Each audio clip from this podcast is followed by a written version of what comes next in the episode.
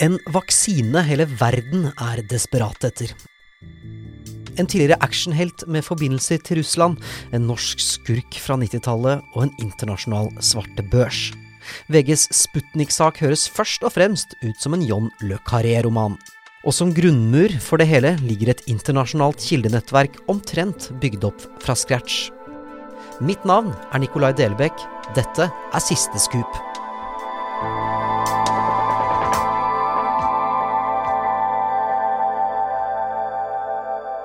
Velkommen skal du som lytter være til denne episoden av eh, det vi har valgt å kalle Siste Scoop. Eh, Dette er jo altså da en podkast som ikke skal være noen sånn shortlist eller favorittliste til, eh, til diplom eller pris. Ikke for det, altså alle de vi har plukket ut kan jo selvfølgelig vinne, men, men dette er rett og slett en, en serie med podkastepisoder hvor vi skal ta et lite dypdykk inn i en spesifikk metode eller noe spesielt ved hver av de metoderapportene vi har valgt ut. Og så håper vi jo da at uh, du som lytter, og vi som, som lager denne podkasten også, kan dra litt nytte ut av andre journalisters uh, erfaringer. Uh, I denne episoden så er det altså da VG sin Sputnik-sak, og dette er jo en sak med litt av et persongalleri og ganske internasjonale konsekvenser. Men vi skal altså da snakke om hvordan man bygger et internasjonalt kildenettverk, for vi alle jobber jo med kildenettverk til daglig. Men hvordan gjør man det helt fra scratch i et samfunn man ikke kjenner til fra før? Og med oss nå så har vi altså da Rolf Widerøe og Markus Tobiassen fra Verdens Gang som står bak uh, dette prosjektet. Um, dere har skrevet altså da det som kunne vært en internasjonal uh, thriller av uh, Christopher Nolan. Det er snakk om profitt på russiske vaksiner på avveie som ingen helt vet hvor ender. Emiratiske kronprinser med inn i bildet. Det er tidligere actionhelter Steven Seagal. Det er en dømt norsk skurk fra 90-tallet. Den har jo mange ingredienser. Den har det. Fargerikt persongalleri. Og det persongalleriet, det skal vi få høre mer om, Rolf. Vi skal også uh, få lære av dere hvordan dere har bygd opp dette internasjonale kildenettverket, som dere skriver veldig mye om i metoderapporten. Men, men aller først, Rolf, hva er, hva er, det saken handler om uh, her? Den handler jo om uh, salg av Sputnik-vaksine til overpris av et svært farverikt persongalleri. Bakteppet her var jo at det var et kappløp for å utvikle vaksine, men det var også et kappløp for å få tak i vaksine. Det gjorde jo også at der det er nød, så er det noen som ser muligheter også, og muligheter til å tjene penger. Og, og man hadde jo en allerede da, det gikk på en måte man snakket om hvorvidt det kunne vokse fram et, et type gråmarked der, et, en svartebørs.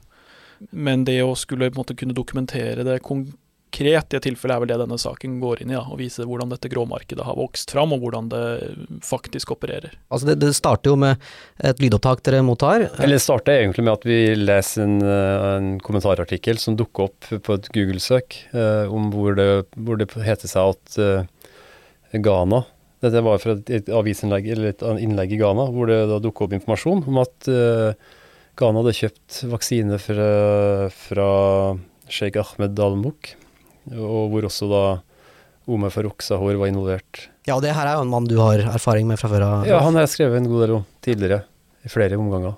Vi får jo da lest denne artikkelen, vi prøver da å søke, men det, det, står ikke omtalt noe annet sted. Det er kun i denne usignerte, anonyme eh, innlegget som, eh, som hvor dette omtalt, og det er ingen andre som omtaler det. Det finnes ikke noe annen omtale av, av den involveringa av en, den sjeiken og den etterlyste norskpakistaneren.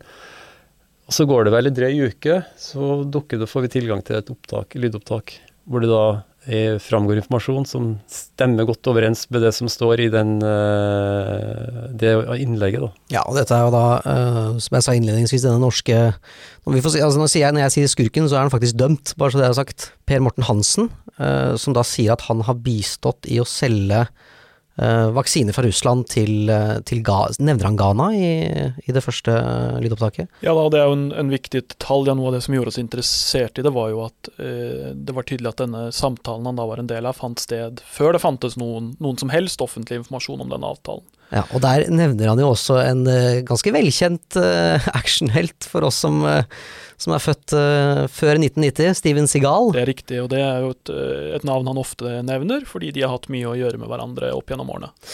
Hvor går man da?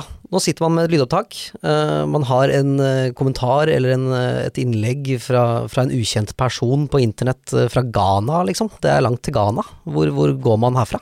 Ja, Aller først så, uh, gikk vi rett og slett, altså for å finne, finne denne skribenten, så gikk vi til, til avisen han har skrevet for. Og så uh, er det jo sånn at uh, Rolf med andre kollegaer i VG tidligere har jo skrevet om, om handlersjeiken og Sahor har gjort i, uh, i, Ghana, da knyttet til uh, salg av gassturbiner. Så han hadde jo noen kontakter der fra før av, som vi også da tok kontakt med, da på, med, med sikte på liksom å se om vi kunne etablere en kontaktlinje inn til denne anonyme skribenten. da. Um, og Det var de for så vidt villige til å hjelpe oss med, men det måtte være opp til uh, vedkommende om uh, han eller hun ville snakke med oss. Og vi fikk aldri noe svar på de forespørslene vi retta da gjennom en anonym e-post. Kom ingen vei dit. Neste steg er jo å snakke med de som både kjøper disse vaksinene og i utgangspunktet selger dem, eller lager dem, da russerne og, og den ghanesiske regjeringen.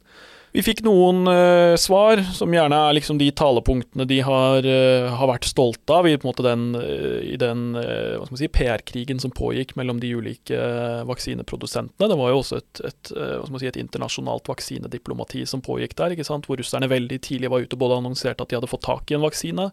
De var tidlig ute og annonserte hva de skulle selge den for. Og de var også veldig tidlig, eller utrolig gode til å dekke enhver leveranse de gjorde. da, F.eks. de ga et land som San Marino vaksinerte hele befolkningen. Hvor jo det blir en, nærmest en PR-jippo hvor det eh, dekkes vegg til vegg. Og Det var også en av tingene vi veldig sånn innledningsvis bet oss merke i, at eh, f.eks. Twitter-kanalen og de andre uh, promokanalene for den russiske vaksinen de nevnte ikke denne handelen i Ghana med et ord. da. Så det burde egentlig være en slags PR, perfekt PR-story for Russland, da, at de sender vaksiner til land som ønsker å vaksinere 20 millioner mennesker, men som ikke har klart å få tak i vaksinen noe annet sted. Absolutt, og tilsvarende så, så burde det vært en, en stor seier for regjeringen i Ghana, som befant seg i en ganske kritisk situasjon, hvor de først hadde fått en tidlig leveranse av Covax, altså da det internasjonale vaksinesamarbeidet. Og så eh, inntraff jo krisen i India, som gjorde at leveransene stoppet opp. Og så hadde de plutselig eh, vaksinert nærmere én million med første dose, og satt der uten andre doser. Og så får de på en måte denne reddende redningspakken inn fra siden her, men selv da så blir det ikke omtalt bredt, da. Og på ingen måte liksom Og det var noen bilder av, av helseministeren sammen med sjeiken, tror jeg. Det var ja.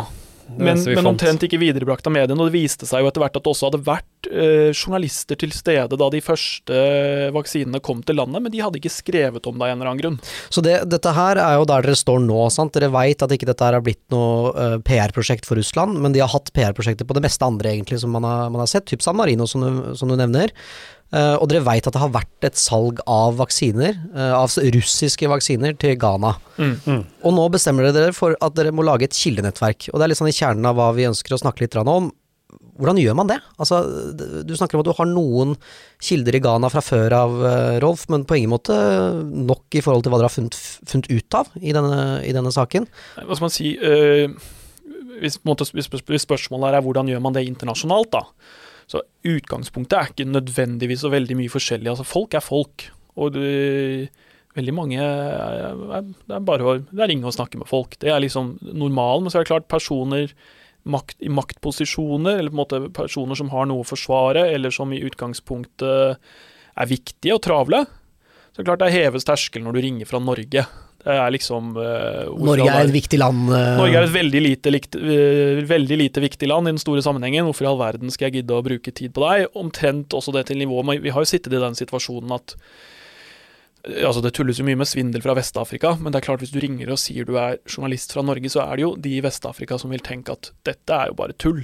Uh, så du, du, plutselig så befinner du deg i en sånn revers av den uh, situasjonen der, hvor noen uh, omtrent tror du er Nigeria-brevskribent. Men det er jo sånn når du ringer til flest mulig, så får du jo napp. Ja, for det er et sitat dere har i metoderapporten som jeg syns er litt artig. Altså, hvis du, hvis du, kjøper mange nok lodd med dårlige odds, så treffer du på en måte til slutt. Ja, du må ha toleranse for det at veldig mange forespørsler bare endrer ingenting. Uh, så Det er jo en sånn, en sånn, huskeregel vi har hatt med oss. Og så er det der det at uh, å ta kontakt med mannen i gata, med akademikere, med med andre journalister går vanligvis veldig bra, men når det kommer til liksom myndighetspersoner, maktpersoner og sånn, så, eller andre eh, folk høyt oppe i forretningshierarkier eller lignende, så, så blir det ofte mer en sånn viskelekmetoden, da. At du må begynne med de som vil snakke med deg, og så må du gå gjennom uh, introduksjoner. Det hjalp oss også i starten ved, å, vi hadde, ved, at vi kjente folk fra før av, og som da introduserte oss til folk. Men så spant vi jo videre derfra. Så er det jo ikke vær Når du snakker med folk så, ja, For min egen del, så jeg har ikke så veldig god aksent, men det er bare Du må bare kaste forfengeligheten over båten og så bare, bare kjøre på. Det blir litt sånn Tor Heyerdahl-engelsk. de, de skjønner jo det, vet du. Det er så fordelen. vi har jo en generalsekretær i Nato som er kjempe kjempeflink med akkurat samme taktikken. Det, det er kanskje nesten et sånt språklig forbilde. det er meg og Stoltenberg. Nei, da, da, snakker vi om engelske ja, uttalelser. For å spesifisere det. Men, men det, er, det, er, klart, helt konkret i denne saken, så var jo Først prøvde de å gå rett på målet og snakke med, med de aktuelle partene, og så blir det på en måte en omvei for å komme seg dit igjen, da, til at noen vil åpne døra for deg inn til dem. Og da er det jo eh, Det som var flaks for oss i denne saken, da, som jo tross alt handla om, om, vaksinesalg, var at, at Norge har, vi hadde noen fortrinn. og Det er bl.a. at Norge har vært ganske sentral i både vaksinefinansiering, utvikling og distribusjon opp gjennom tidene. Ikke spesifikt for koronavaksinen. Men uh, vi har vært en viktig initiativtaker i flere av de liksom, internasjonale vaksinesamarbeidene. Da. Det handler om å begynne å kontakte de, Eh, hvem kjenner dere, hvem kan dere introdusere oss for? Hvem kan de introdusere oss for igjen? Og så skal du ikke mye mer enn uh, Altså hva er det dette spillet heter? Five Degrees of Kevin Bacon. Ja. Altså, det er sjelden du må med, med, gjennom mer enn fem ledd for å komme til mål, da. Men jeg vil gjerne si det, men etter hvert så fikk vi også kontakt med journalister, ikke bare i Ghana, men mange andre nå, og bare si kort om det. Og det er utrolig viktigheten av å være helt åpen med hva du jobber med, og ikke prøve å holde tilbake noe, men bare dele det du har. For ved å dele og gi den tilliten, så blir da de kollegaene dine i andre land også kan være interessert og bidra. Og så blir vi enige om hvordan du skal sampublisere. Men det var veldig åpen, ikke hold tilbake informasjon. Da. Det er veldig viktig å bare dele og få da, den journalisten som du vil samarbeide med, tent på det, være med på samarbeidet. Men hvor setter du grensa da?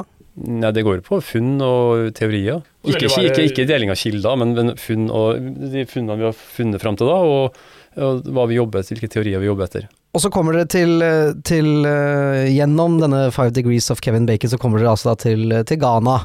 Uh, hvor det da pågår en protestbølge, ikke mot uh, korona nær sagt, men, uh, men, som er litt på siden. men akkurat når dere begynner å etterforske, så, så pågår det altså en protestbølge i Ghana. Ja, som i utgangspunktet handlet om, om mange ting. Mye, mye ulik misnøye rettet mot regjeringen hvor du hadde en protestbølge som gikk under et par hashtagger, og så hadde du måtte, en motbølge av presidentens tilhengere som gikk under en annen bølge. Så da var det slett å sitte og følge med på den. Og der kom vi i kontakt med mye, mye interessante folk, for det ble etter hvert også en, en, debatt om koronatiltakene, da. Som jo som, Veldig mange debatter har blitt Som veldig mange debatter. Det er vanskelig liksom at det ikke blir et politisk tema i et hvilket som helst land i verden i den perioden der, da. Og da, der var det jo helsebyråkrater engasjerte seg, forskere engasjerte seg Uh, altså ulike interesseorganisasjoner og andre. Da. Så det, det, gjorde det mulig å liksom plukke opp navn vi ellers ikke ville funnet fram til. Sende masse masse meldinger.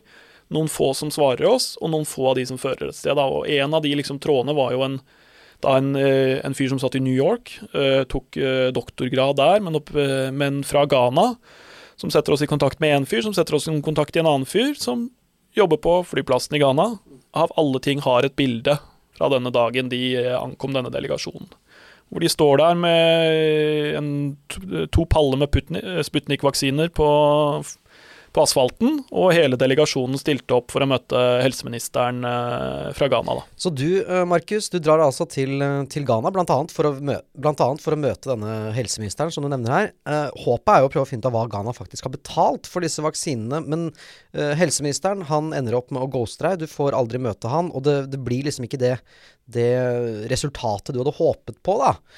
men rett før du skal dra hjem, så gir dette kildearbeidet eh, et litt uventa resultat når du får en telefon fra finansministerens assistent. Ja.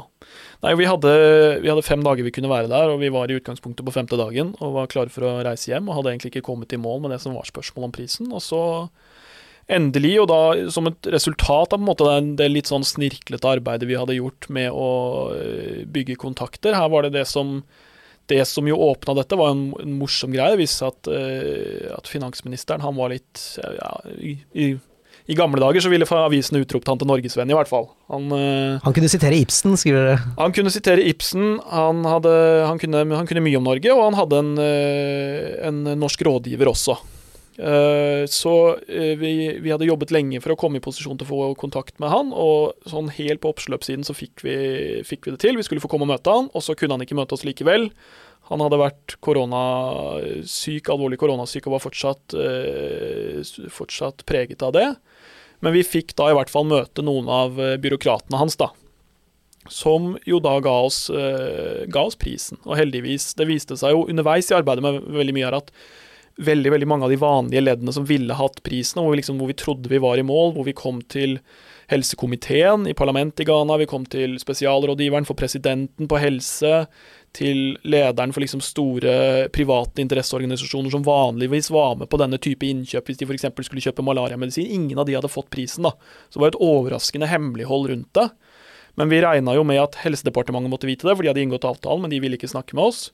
Men Finansdepartementet burde også gjøre det, for det er de som til slutt betaler. De sitter med lommeboka, liksom. De sitter med lommeboka.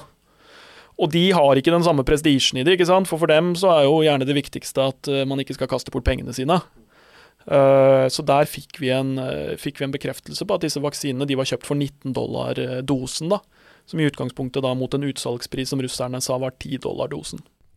Så nå vet dere jo da altså hva, hva Ghana har betalt for hver enkelt dose. Det er ikke 10 dollar, sånn som Russland har sagt tidligere at de tar for dosene. Det er altså da 19, eh, 19 dollar. Og nå blir på en måte jobben da å prøve å sette disse partene i saken sammen. Altså sette Sahor sammen med Steven Segal, sammen med Per Morten Hansen, som for øvrig nå nekter for å ha noe med denne saken å gjøre i det hele tatt. Han sier han aldri har sagt at han har vært et mellomledd eller vært en del av noe vaksinehandel, bare så det er sagt. Eh, Men i dette arbeidet her, med å sette de partene sammen, så blir eh, bilder igjen sentralt. eh, For dere finner noen bilder. Er det utafor et kontor i, i Dubai? Det er da to bilder vi ser da er fra samme bakgrunn, samme sted, og vi forstår ut fra sammenhengen at det er, alt tyder på at de, det er bilder av eh, Omar Frokk også har sammen, Uh, og at det er da tatt på samme tid ut fra klesdrakt og, og, og sted, at uh, også Steven Segal står sammen med Per Morten Hansen, er tatt Ja, i det ene bildet så står uh, Sahor og Segal sammen, og i det andre så står Per Morten Hansen og Segal Mm. sammen. Um, og vi må nesten snakke litt om dette pengesporet. Uh, for dere får etablert denne kontakten, dere får eller denne, denne sammenhengen mellom de, de fire. Um, men uh, dere, dere vet jo ikke hvem som eier Nei. eier dealen, på en måte.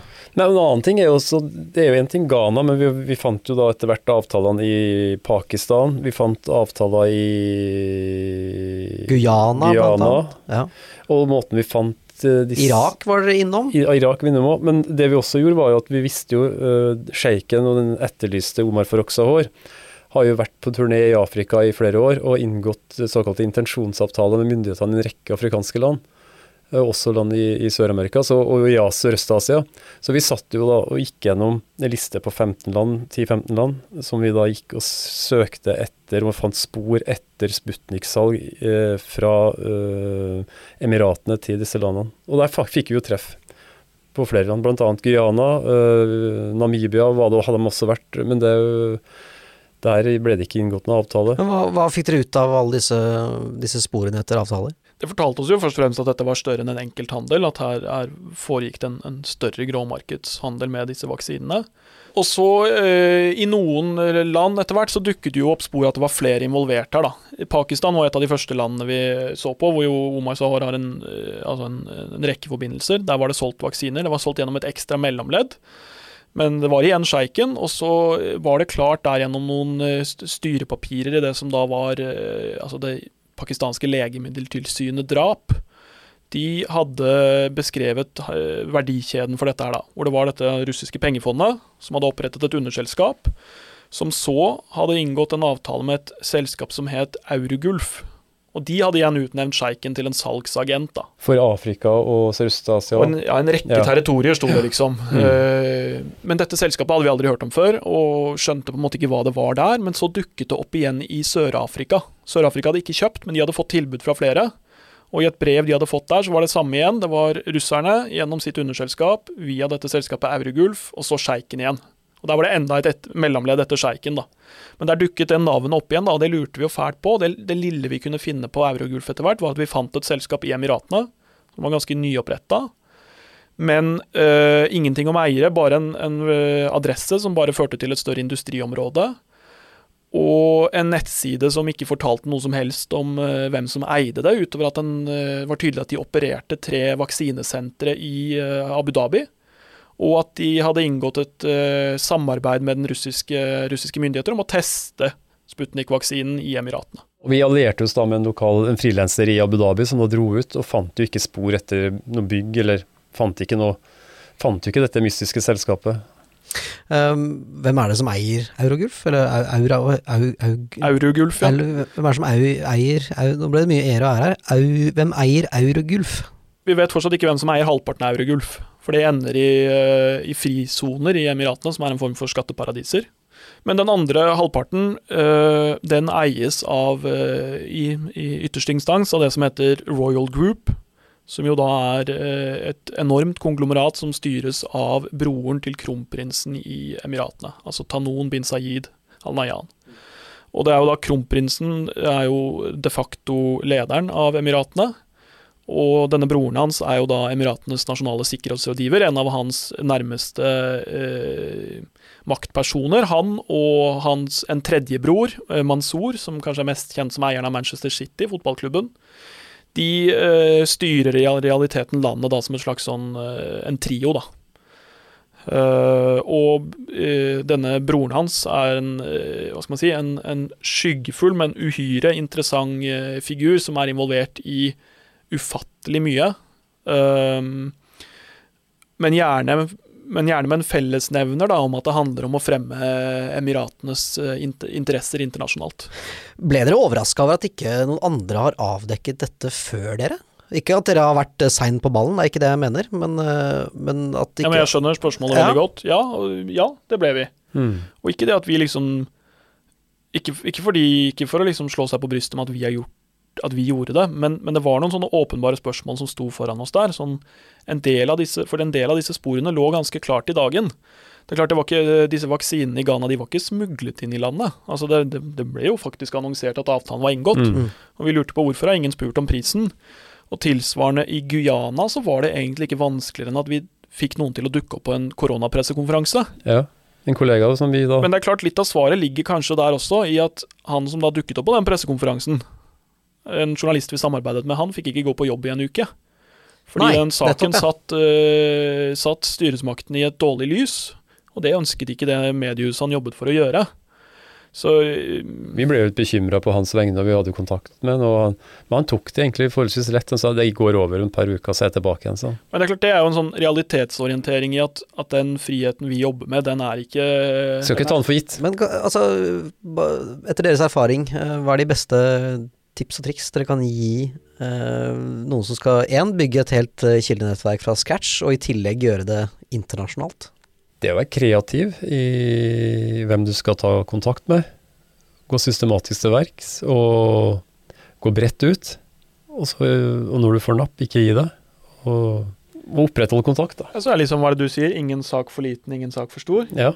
Det er jo også litt sånn ingen kilde for liten, ingen kilde for stor. At eh, prøv deg på liksom alle, du, alle de mest uoppnåelige kildene å komme i kontakt med, men også alle andre, da. Mm. Og så er det den der eh, toleranse for nederlag, da.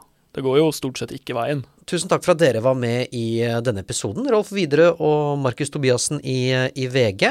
Dette er faktisk aller siste, siste scoop, for i morgen så begynner konferansen. Da braker det løs. Det er altså da fullt i Tønsberg. Jeg kan love dere at vi har satt sammen et forrykende eh, program, og håper at det største dilemmaet for deg blir hvilken av sesjonene som går samtidig du er nødt til å prioritere. I tillegg så tror jeg de aller fleste gleder seg og er spente til å se hvem som stikker av med både pris og diplom. Vi ses i Tønsberg.